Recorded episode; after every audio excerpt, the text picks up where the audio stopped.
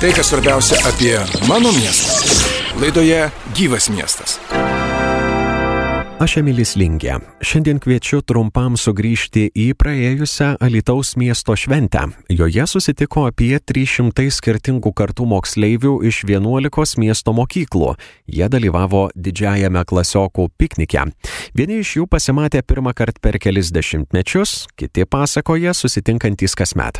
Paklausti kodėl, sunkiai suskaičiuoja praėjusius metus bet sako tiesiog negalintys gyventi be buvusių klasiokų kompanijos. Mūsų klasė buvo išskirtinė, todėl ir, ir dabar praėjus 40 ketver, ket, Taip. keturiems metams jau, kada baigė mokyklą, žinokit, tos pagrindinės savybės - draugiškumas, meilė, pagarba vienas kitam išlikę. Tai pasakoja Inesa Sereikienė, kelininkė, prisipažįstanti, kad apie šią profesiją mokyklos suole nė negalvojo. O neretų klasiokų susitikimų metu Inesa su vyru tampa tikrais virtuvės šefais ir buvusios klasės draugus vaišina firminiais šašlykais. Greta Inesos du klasiokai fotografė Zita Stankievičianė ir geologas Antanas Marcinonis. Visi jie 1978-aisiais baigė Alitaus penktąją vidurinę mokyklą, dabartinę Dainavos progymnaziją, kuriai iki šiol jaučia didelę meilę.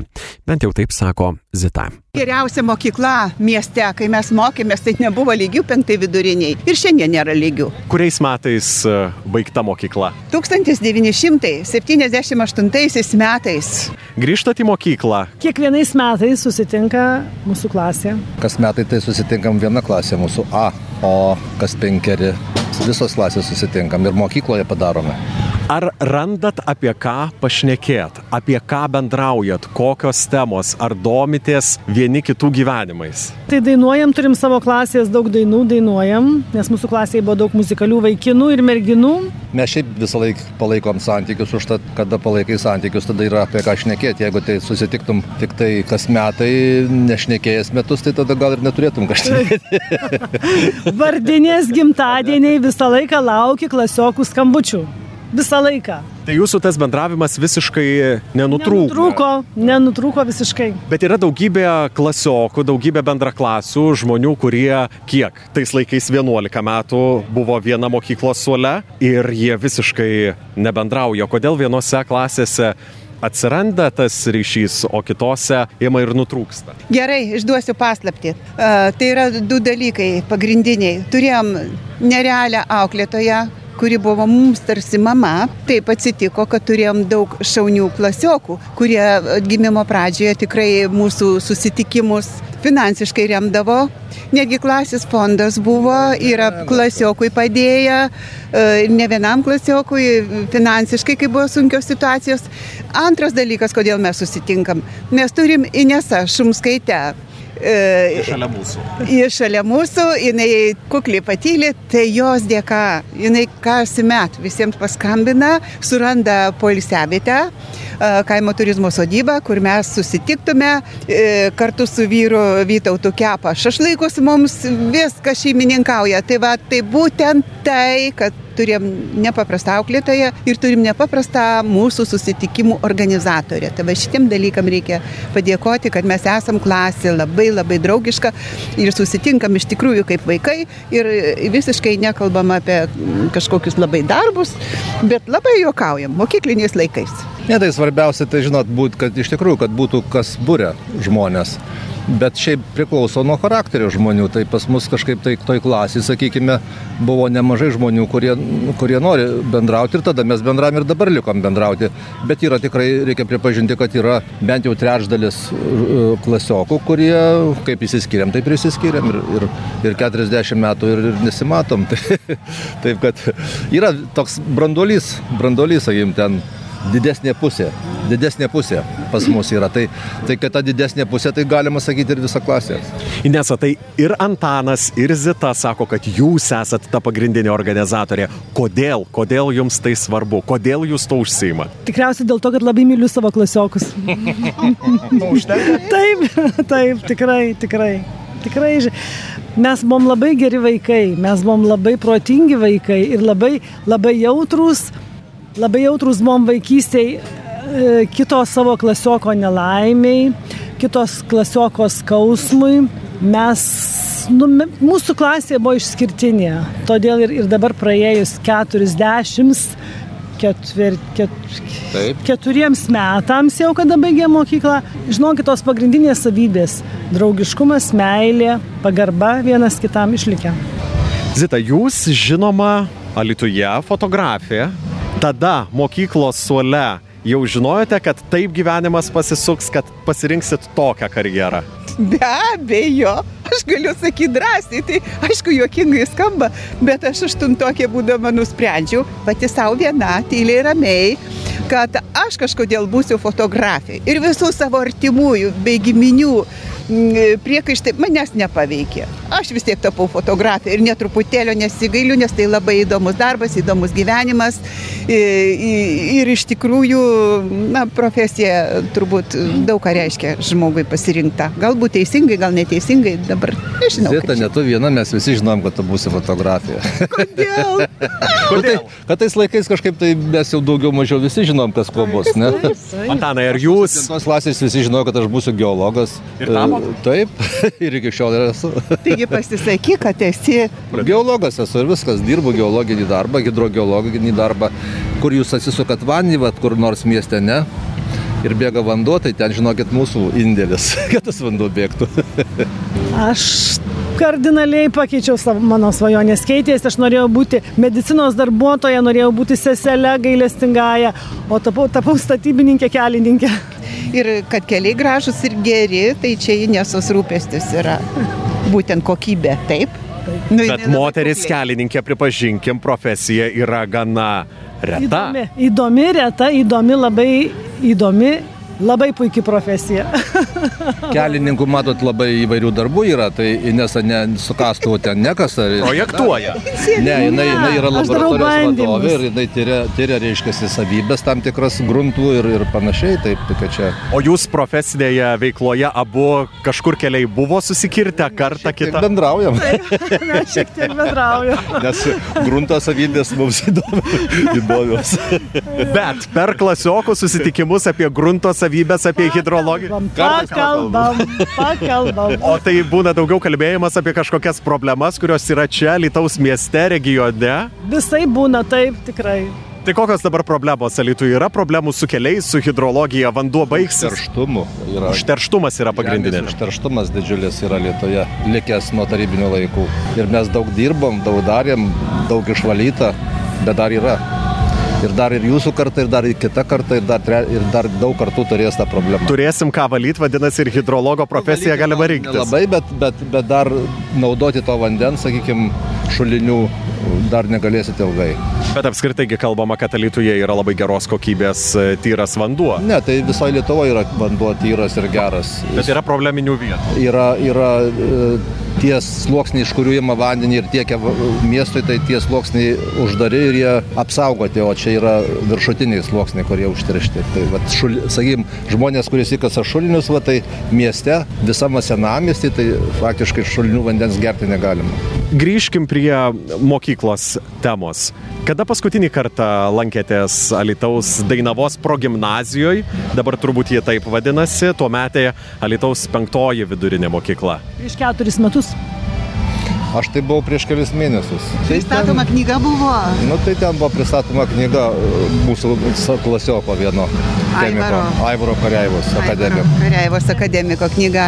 Akademiko, akademiko chemiko Aivaro Kareivos knyga. Mokykloje. Taip.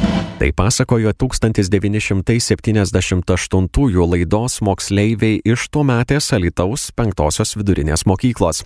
O štai istorikas Vilmantas Dunderis, buvęs Alitaus antrosios vidurinės mokyklos, o dabar Alitaus Adolfo Ramanausko Vanago gimnazijos moksleivis, sako, kad istorijos prieš kelis dešimtmečius buvo mokoma kitaip, o mokytojai, uždavus aštresnį klausimą, tiesiog liepdavo patylėti. Tiesa, tai net baidė Vilmanto nuo noro suprasti, kas vyko praeitie. Mokiausi antroje vidurinėje, dabartinėje Lietuvos Adolfo Ramanausko Vanago gimnaziją. Na, tiesa, ten baigiau tik 8 klasės, teko išeiti. Vėliau baigiau pirmą vakarinę vidurinę. Aš žinau, kad e, netgi buvo šito renginio metu suorganizuotas protmušis, pavadinkim, istorijos pamoka. Ir tai netiesa, kad antra vidurinė yra seniausia mieste mokykla. Teisingai?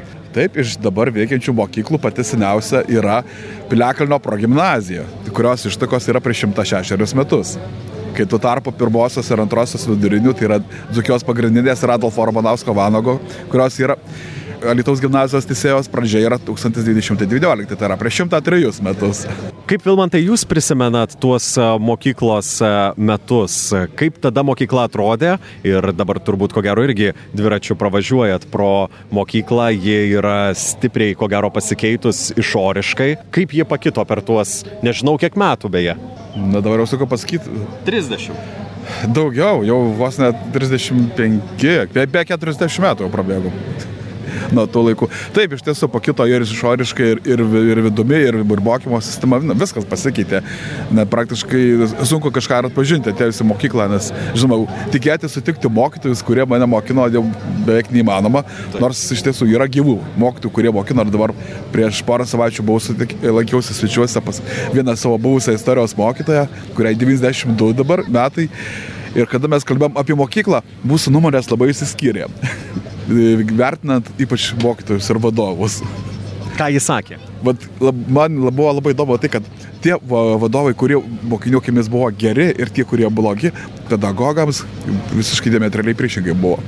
Kas mums buvo geras, pedagogams blogas, kas mums blogas, pedagogams geras. Grįžtat į mokyklą? Retai.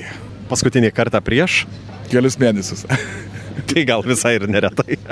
Na, tiesiog kartais darbo reikalais tenka bendrauti su mokytojais arba lankytis gimnazijoje, taip kad apsilankau. Ką ten atrandat? Ar ateina koks nors e, prisiminimas iš praeities, o žiūrėk, ant šitos palangės aš sėdėjau? Tokį prisiminimą visą laiką aplanko, bet vien ta aplinka pasikeitusi šiek tiek pristabdo, nes galvoju, prie manęs buvo kitaip, mano laikais buvo kitaip, mano laikais to nebuvo.